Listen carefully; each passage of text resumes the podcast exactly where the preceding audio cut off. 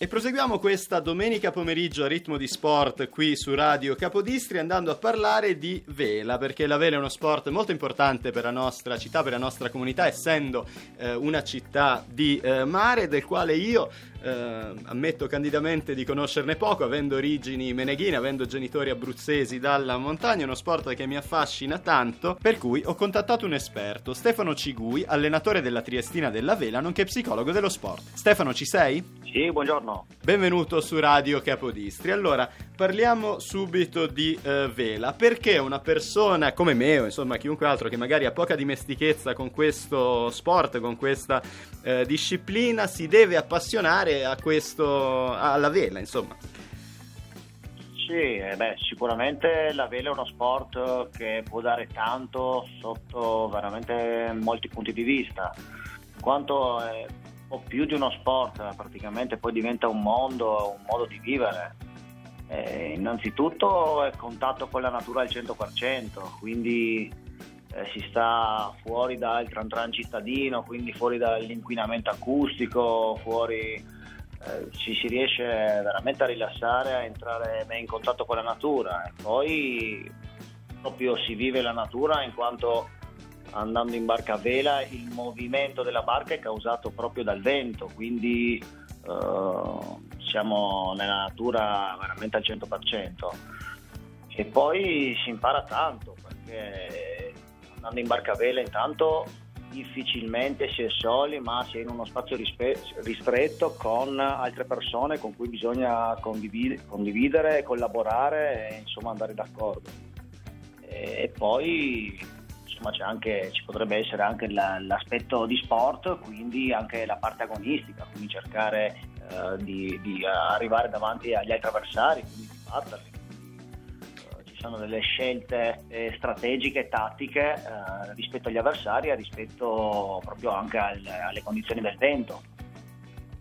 E poi credo ci sarà anche tutta una componente di eh, attività fisica che eh, non credo sia trascurabile. Inoltre la vela è anche un'attività eh, proprio che l'uomo eh, utilizza, insomma, sin dalla notte dei tempi per attraversare il mare. Parliamo proprio della dimensione sportiva che si struttura, se capisco bene, con delle regate, vale a dire delle corse con le imbarcazioni che devono coprire questo percorso girando attorno a delle boe nel minor tempo eh, possibile.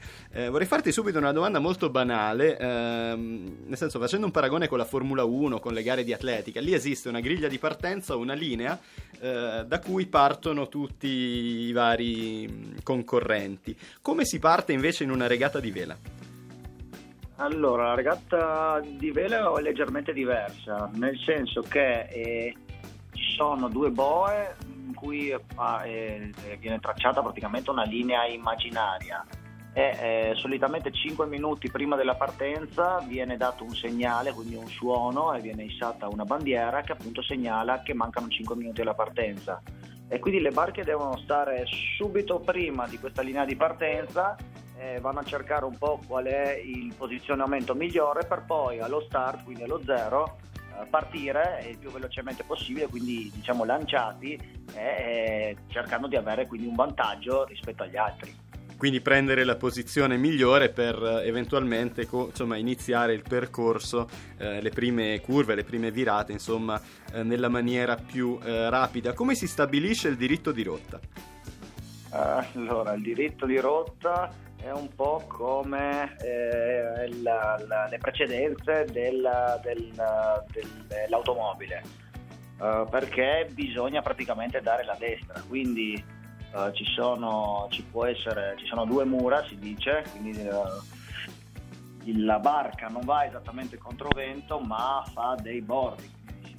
si dice che si fa uh, una bolina, una zig-zag rispetto al, al vento, in quanto noi non andiamo contro vento, ma andiamo circa a 45 gradi rispetto al vento. Allora io posso andare a 45 gradi rispetto al vento a destra oppure 45 gradi rispetto al vento a sinistra eh, quelli che eh, arrivano da destra, quindi si dice che hanno mura dritta, hanno la precedenza rispetto a quelli eh, che hanno 45 gradi a sinistra rispetto al vento, quindi che sono a mura sinistre.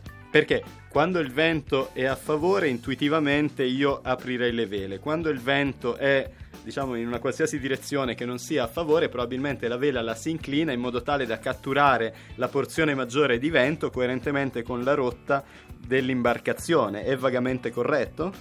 Esatto, esatto. Più stringo il vento, quindi diciamo uh, minori sono questi gradi rispetto al vento, e più dovrò cazzare le vele. Infatti ai tempi in cui uh, diciamo non c'erano le vele triangolari, ma c'erano i vascelli, quindi con le vele quadrate e che ai tempi non avevano la deriva, potevano andare solo con il vento a favore. E quindi diciamo si diceva che andavano con il vento in poppa. Eh, se invece avessero dovuto stringere il vento non avrebbero potuto farlo appunto perché non potevano proprio uh, stringere il vento e si dice cazzare, no? quindi tirare bene le vele il più possibile perché non avevano la possibilità perché controvento quindi evidentemente non, non, si può andare. Per chi vuole approcciare questo sport, ed è per esempio la mia esperienza, una delle prime barriere è proprio quella della lingua e della eh, terminologia. Eh, che cosa sono le barche Optimist e Laser? Allora, eh, le, gli Optimist e i Laser sono delle derive, quindi sono delle barche un po' in cui uh, si inizia, sono delle barche piccole, l'Optimist è una barca, appunto io alleno proprio gli Optimist, dove si va da uh, quando si ha 6 anni fino a uh, 15 anni, dove un po' il bambino inizia a fare i primi passi nel mondo della vela. E il laser invece è eh, propedeutico, possiamo dire, all'Optimist, quindi è eh, sempre una barca molto piccola, mentre l'Optimist ha circa 2,5 metri, e mezzo, il laser ne ha all'incirca 4,5 metri eh, dove si va sempre da soli, eh, però il, il, bambino, quindi diciamo il ragazzo nel laser è un po' più grande e anche più pesante perché appunto per raddrizzare la barca è molto importante il peso, quindi più un bambino cresce più eh, avrà bisogno anche di una barca adatta alle sue dimensioni e al suo peso. Quindi queste sono le due imbarcazioni per tutti coloro i quali volessero diciamo, avvicinarsi alla vela, specialmente in età eh, giovane. Eh, per chi è indicata la vela come eh, sport e perché un genitore dovrebbe avviare i propri figli verso la vela? Allora, la, chi è indicata la vela è un po' difficile, nel senso a tutti, ma deve piacere come sport, deve piacere come sport perché eh, dà tantissimo, come adesso vediamo, ma è anche molto impegnativo perché eh, effettivamente andando anche in barca all'inverno si, si, soffre un pochettino il freddo mm. e si sta anche tante ore in mare, quindi bisogna essere veramente molto appassionati. E perché farlo? Perché, come dicevo prima, dà veramente tanto, perché in particolare, secondo me, sviluppa uh, un'indipendenza, un'autonomia che in altri sport uh, difficilmente c'è, perché in questa barca, ad esempio negli Optimus, quindi già un bambino di 7 anni, si ritrova in mezzo al mare, che sì c'è l'allenatore vicino, però vicino relativamente e con anche condizioni di vento che possono essere anche molto impegnative. Quindi eh, ci sono dei momenti anche magari un po' di paura che vengono però affrontati con, con coraggio e portano a, ad una crescita me è molto importante per, per, il bambino, per il ragazzo. Quindi secondo me è veramente un ottimo sport, ecco. Ci sono degli eventi eh, che avete in programma lì alla Triestina della Vela per eh, i prossimi giorni, per le prossime settimane o magari per quest'estate? Allora, se non mi sbaglio, a giugno ci dovrebbe essere il Vela Day organizzato dalla Federazione della Vela. Uh, quindi un, una giornata in cui tutti, chiunque fosse interessato a provare la barca o comunque interessato ad approcciarsi al mondo della vela può venire in forma gratuita a provare.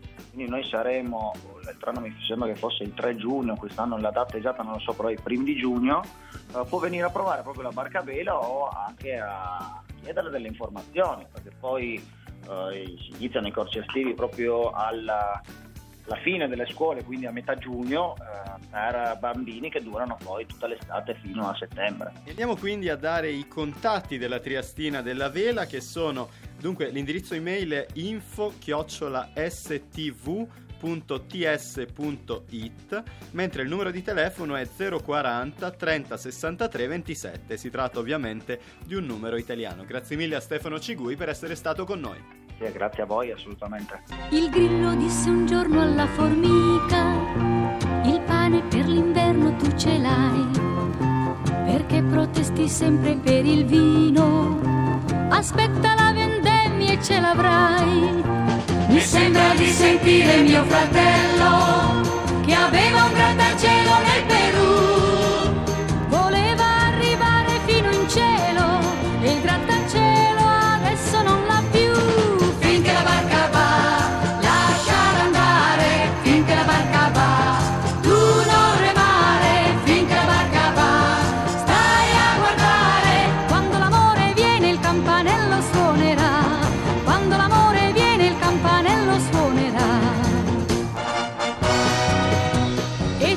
vivi sempre sotto il sole, tra file di ginestre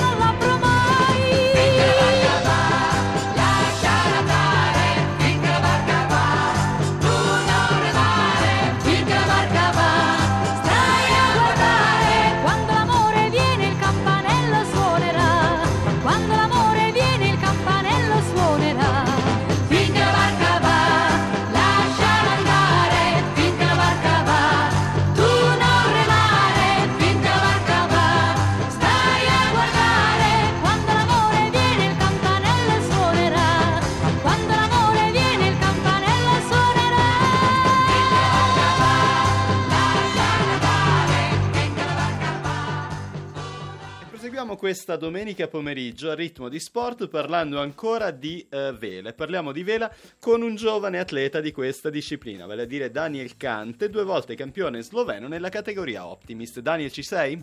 Sì, sì, ci sono. Benvenuto su Radio Capodistria. Dunque, Grazie. come mai hai scelto la vela? Come mai hai scelto questo sport? Il calcio non ti piaceva? Il calcio come sport, praticamente ci sono delle persone che seguono un pallone e non, e non mi piaceva tanto come sport, però la vela mi sem- cioè, fin da piccolo era interessante perché vedevo queste barchette per il mare che facevano su e giù divertendosi e poi da piccolo a 5 anni ho, ho chiesto a mia mamma e a mio papà se potevo iniziare a fare questo sport perché mi interessava molto. E loro dissero che sono ancora troppo piccolo però io insistii e mi misero in un corso di due settimane. Dopo due settimane non riuscii più a smettere e poi iniziò tutto così. Poi piano piano il circolo mi mise subito nella squadra agonistica e così iniziai ad avere successo. Quali sono le soddisfazioni più belle che ti sei tolto con questo sport? le soddisfazioni erano di cui essere campione nazionale. Fu felice quando, quando vinsi e il mio, il allenatore mi prese e, e saltammo insieme in acqua. Poi con le vittorie perché potevo sempre dimostrare di essere il migliore, c'è anche uno fra i migliori al mondo perché adesso ultimamente sto gareggiando anche in giro per il mondo come adesso che andrò in Olanda e, cercherò di vincere come soddisfazioni anche confrontandomi con gli altri perché ero sempre uno fra i più veloci e così potevo avere una soddisfazione maggiore. Che cosa provi quando vinci? Quando vinco provo molta felicità, come felicità in- intendo che so che, sa- che sono uno fra i migliori e, e so che posso vincere. Come felicità anche perché ci, sono anche gli altri velisti che sono anche veloci, però, però mi, mi, mi, devo sempre confrontare con loro e quindi poi ero felice perché arrivavo sempre davanti a loro. E immagino tu sia anche felice per i tuoi genitori, per gli allenatori e per sì. tutte le persone che poi ti aiutano a praticare questo sport. Sì, perché mi danno molto supporto e mm, si possono permettere di fare questo sacrificio per, per andare in giro per il mondo e confrontarmi con altre barche, vedere a che livelli sono e anche queste cose qua.